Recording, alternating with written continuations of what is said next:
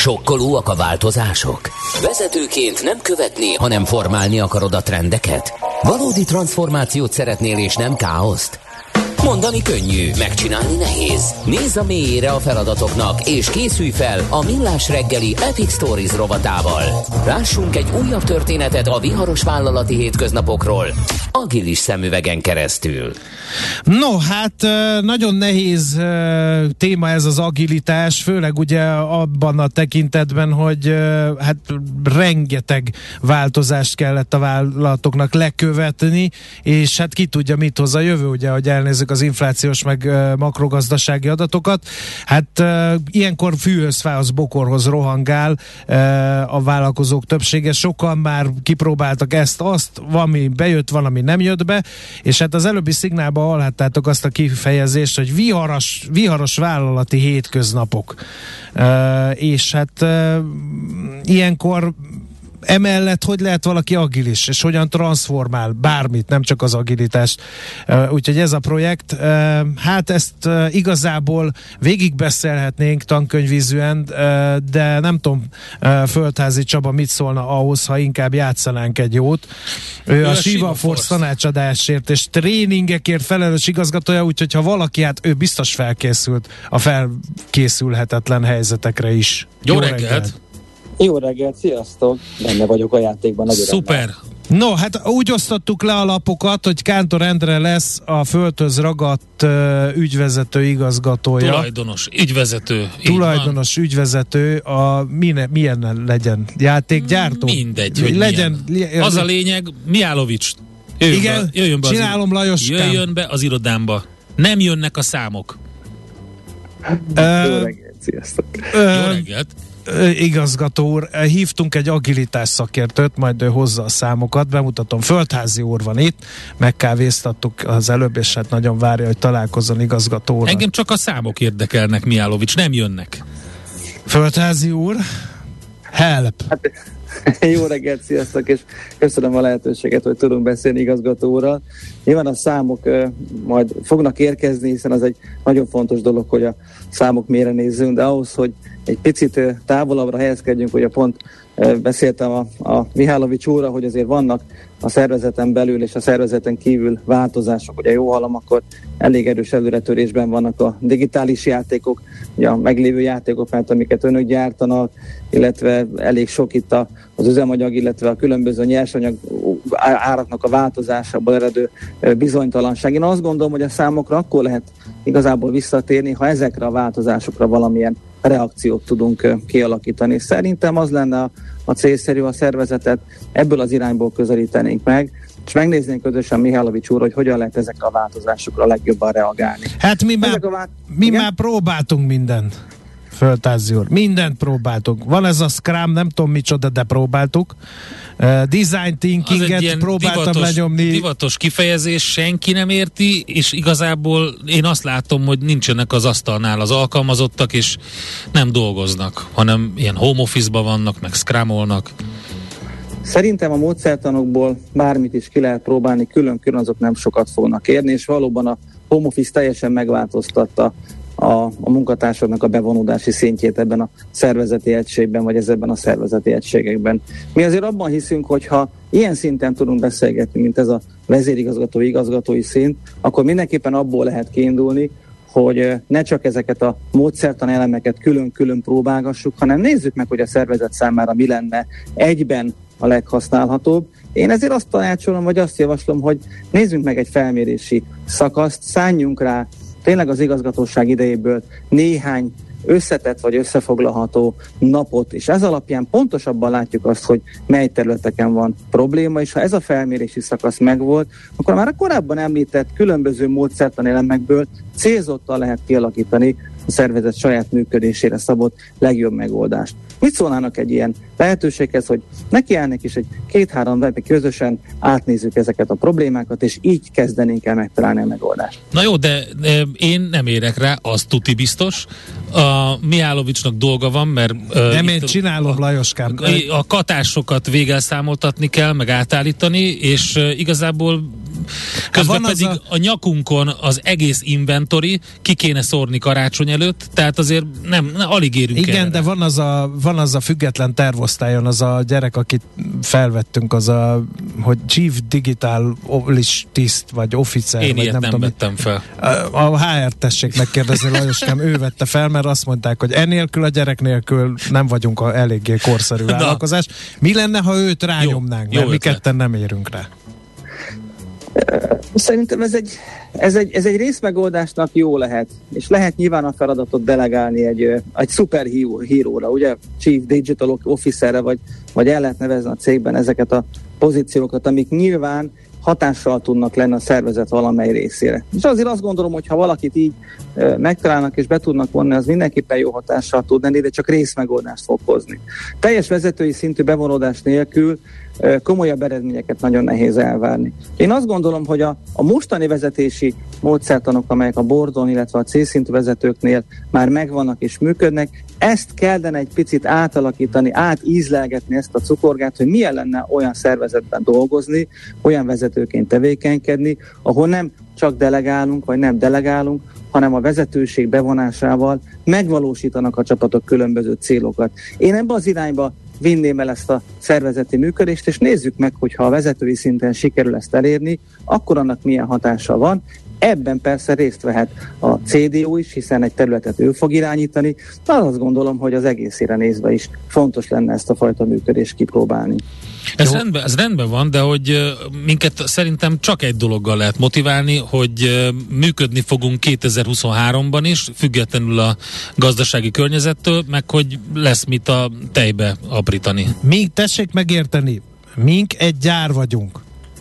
Dolgozunk, gyártjuk a gumikacsákat ezerrel a német piacra.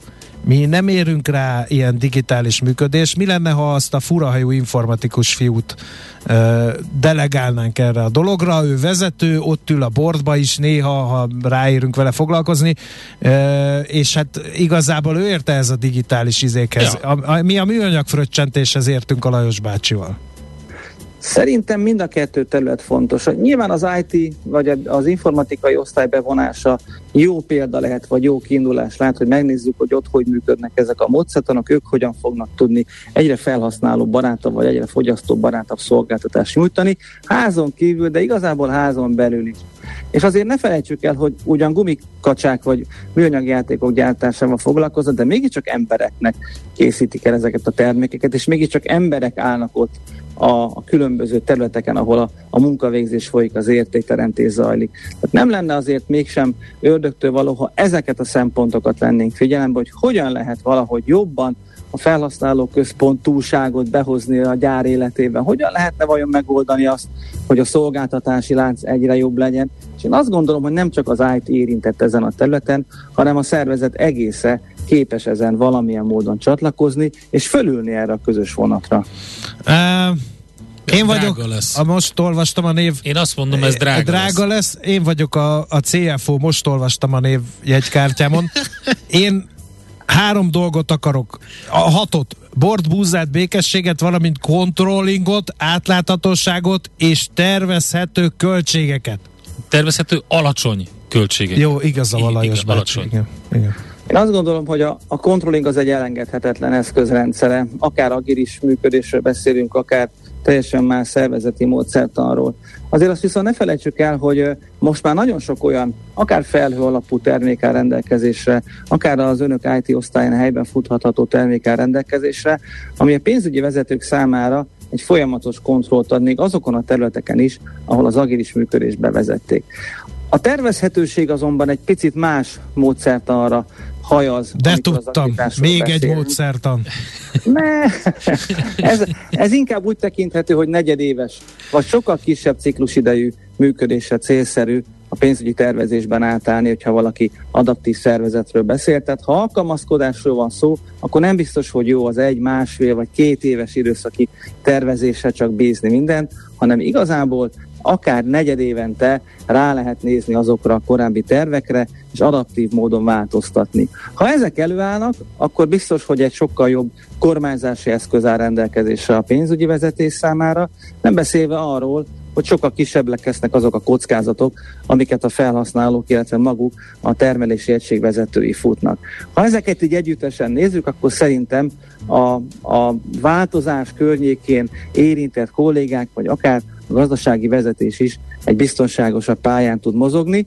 A rossz hírem az, hogy minden adat annyit ér, amennyire az igaz, és ha ilyen rendszereket használunk, akkor muszáj azt elérni, hogy a kollégák ezekbe adatokat is bevigyenek, és ne Excel táblák tömkelegében, hát, meg mélekből kell kiásni minden. Ezért engedtük el a Pistát tavaly ö, nyáron, mert ő nála nem volt minden ö, igaz a könyvelésben, de ez már a múlt. Most az a kérdés, hogy hogy fogjuk az üzemanyagárakat, a, az inflációt és mindent ö, kibekkelni. Tehát ö, mi eddig termeltünk, csináltuk a dolgunkat, a piac, Lajos bácsi piac nagyon érti, tessék elhinni. Felszívta a terméket. A vérében van a kül export De azóta egyfolytában változik minden, és ezt, ezt nehéz, nehezen tudjuk lekövetni. Én azt gondolom pontosan ezek a változások azok, amik azt indikálják, hogy a szervezetben az emberi oldalt is meg kell nézni. Képesség kell tenni a szervezet valamennyi szintjén a munkatársakat, a vezetőket, a középvezetőket, a felsővezetőket, ezekhez való változásokhoz való adaptív hozzáállásra. Azok a módszertanok, amelyeket itt korábban is említettek, és az a fajta felmérési metódus, amit én mindenképpen javaslok, együttesen képesek a szervezetet felkészíteni arra, hogy ne csak arra gondoljunk, hogy mi lesz, hogyha üzemanyagok változnak a jövőre, ne csak arra gondoljunk, hogy mi fog történni, ha másfajta gyártási eljárásokkal tudunk előadni a terméket, hanem ha a piac akár rendszeresen, folyamatosan, drasztikusan változik. Erre képessé lehet tenni a szervezetet, csak nagyon fontos, hogy ezt nem beleugrással lehet elkezdeni, hanem egy felméréssel, utána hozzátartozó vezetői bevonódással, az eszközrendszer megtalálással, és ennek a teljes útnak a végigjárásával lehet eredményt elérni. Nézze, eh, engem már majdnem meggyőzött, Lajos bácsi látom, hogy még, még hezitál. Nekem szimpatikus ez de a hogy, Csaba de gyerek, hogy, csak egy dolog, tehát tele de, volt ilyen külföldi De hogy a Marci bácsit lent a fröccsöntő üzemben, azt hogy fogjuk ebbe bevonni, ezt én meg nem mondom magának, és bevallom őszintén nagyon félünk is, mert a Marci bácsi már a legutóbbi SCADA rendszer ö, oktatáson is majdnem felmondott, pedig ha ő felmond, nekünk végünk van. Szerintem mindenkinek megtalálható az a motiváció, amivel szeret abban a, abban a környezetben tevékenykedni, és amivel a saját szakértelmével hozzá tud járulni a működéshez. Ez egyébként nagyon sokban múlik attól, hogy milyen vezetői közeget teremtünk abban a, abban a munka környezetben, ahol éppen... Hát akkor ki kell osztani a szalámis kenyereket, hadd éljenek, Lajos bácsi, vigyem le? Szerintem az csak részmegoldás lehet. Hát az karácsony ajándék lett volna, de mindegy most már, vigyük le, de én szerintem nekünk kell lemenni közösen, és én részt venni. Is? Há, igen, igen, igen, Mihálovics, neked is, és de részt kell ez venni. nem jó, mert a Péter utál. Nem, lemegyünk. És a Péter utál, mert a felesége hozzám költözött, értsd elköteleződünk. Elköteleződünk. Ja, el kell köteleződni, Így az van. más. Kimondtátok a kulcsszót, és nagyon fontos az, amit most elmondhatok, és eljátszottunk ebben a kis játékban. A vezetőség elköteleződése és valóban a napi szintű jelenléte nélkül a szervezet teljes hierarchiájában nagyon nehéz lesz ezekre a változásokra felkészíteni az adott szervezetet. Hát akkor fizetésemelést kell adni, hogy elköteleződjön. Hát, drága lesz. Például, vagy megígérni, hogy 2023-ban is még itt dolgozhatsz. Tehát így. Oké, okay, értettük. Alapos Jó, felmérés. majd adunk akkor Erzsébet utalványt. Ala, alapos Többet. felmérés azzal kezdődik, nagyon fontos vezetői elköteleződés, és hát gondolom, amíg le nem áll az egész folyamat, illetve le nem áll, hát ez nem tud leállni, folyamatosan változni fog, de amíg e, legalábbis ez a része a folyamatnak végigmegy, akkor azt végig kell követni e, folyamatosan, tehát kell, hogy legyen egy ilyen kitartása e, ennek. Bizony, ez nem egy, ez nem egy egyszeri támadás a szervezet működését illetően, hanem egy, hanem egy folyamatos közös munka. És amit elmondtál valóban a felmérési időszaktól, a vezetői bevonódáson, az eszközrendszereknek a kiválasztásán keresztül vezet az út ahhoz, hogy aztán a napi munkával ezt folyamatosan beépítve, és helyszínen, vagy akár távolról időszakosan támogatva ezt a tevékenységet, ezt a munkamódszert el tudják sajátítani a kollégák, és amikor ők már maguk fogják ezeket a javaslatokat, javító intézkedéseket hozni, akkor lehet egy kicsit jobban elengedni a szervezet kezét, hiszen megtanulta azt, hogy a saját hibáiból, a saját működéséből, a folyamatos felülvizsgálatokon keresztül hogyan tud mindig fejlődni, hogyan tudja az ügyfélnek a szempontjait mindig visszahozni az asztalhoz, hogyan tudja a dolgozóknak a motivációját föntartani, és ezen az úton tudjuk egyébként elkísérni a szervezeteket, és így módon valóban, ahogy elmondtad, folyamatos együttműködés kapcsán nem egy pontszerű működésben, nem egy pontszerű tanácsadásban, hanem egy együttműködésben tud ez megvalósulni. Látja Lajos bácsi Föltázi úr is megmondta, csak fel kellett volna újítani a zuhanyzót az öltözőbe. Jó, rendben van, felújítjuk, és lesz természetesen téli szalámi. Úgyhogy... Jó. No, egy baj van, írja a hallgató, hogy egy nagyon jelentős szélcsoport nem minket hallgat reggelente, mert most biztos, hogy nekiálltak volna az agilis transformációnak.